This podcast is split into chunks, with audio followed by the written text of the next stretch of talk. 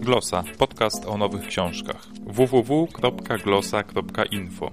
Dzisiaj Erik Emanuel Schmidt. Moje Ewangelie. Zaprasza Paweł Adam Piotrowicz. Największym przyjacielem Jezusa był Judasz, a Piłat stał się gorliwym wyznawcą chrześcijaństwa. Tak Ewangelię odczytuje Erik Emanuel Schmidt. Ma prawo.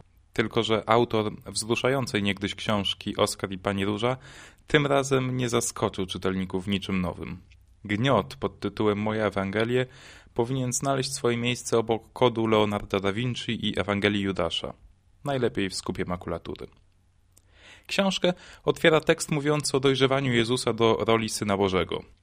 Schmidt stoi na stanowisku, że syn Maryi aż do chrztu w Jordanie nie miał pojęcia o swojej boskości, a w powołaniu utwierdził go nie kto inny jak Judasz Iskariota.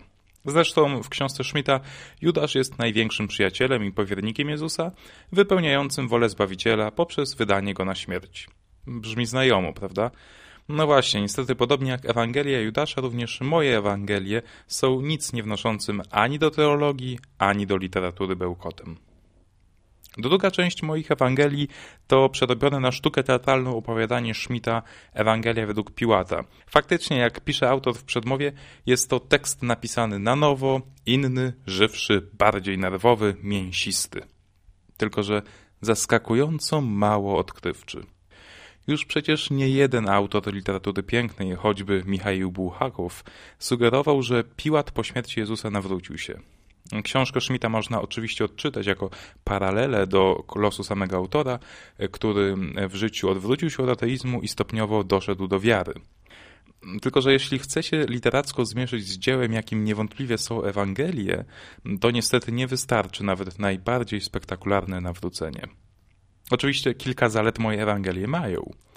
Ciekawi bohaterowie, zaskakujące dialogi, setki cudów. To wszystko znajdę jednak w oryginale, w tysiąc razy lepszej formie. Bo książkę Schmidta odrzucam z powodów czysto literackich. Tu wcale nie chodzi o brak zgodności z Biblią. No, w ostateczności jedną zaletę moje Ewangelie mają. Małą objętość, przez co na lekturę nie marnuje się zbyt dużo czasu.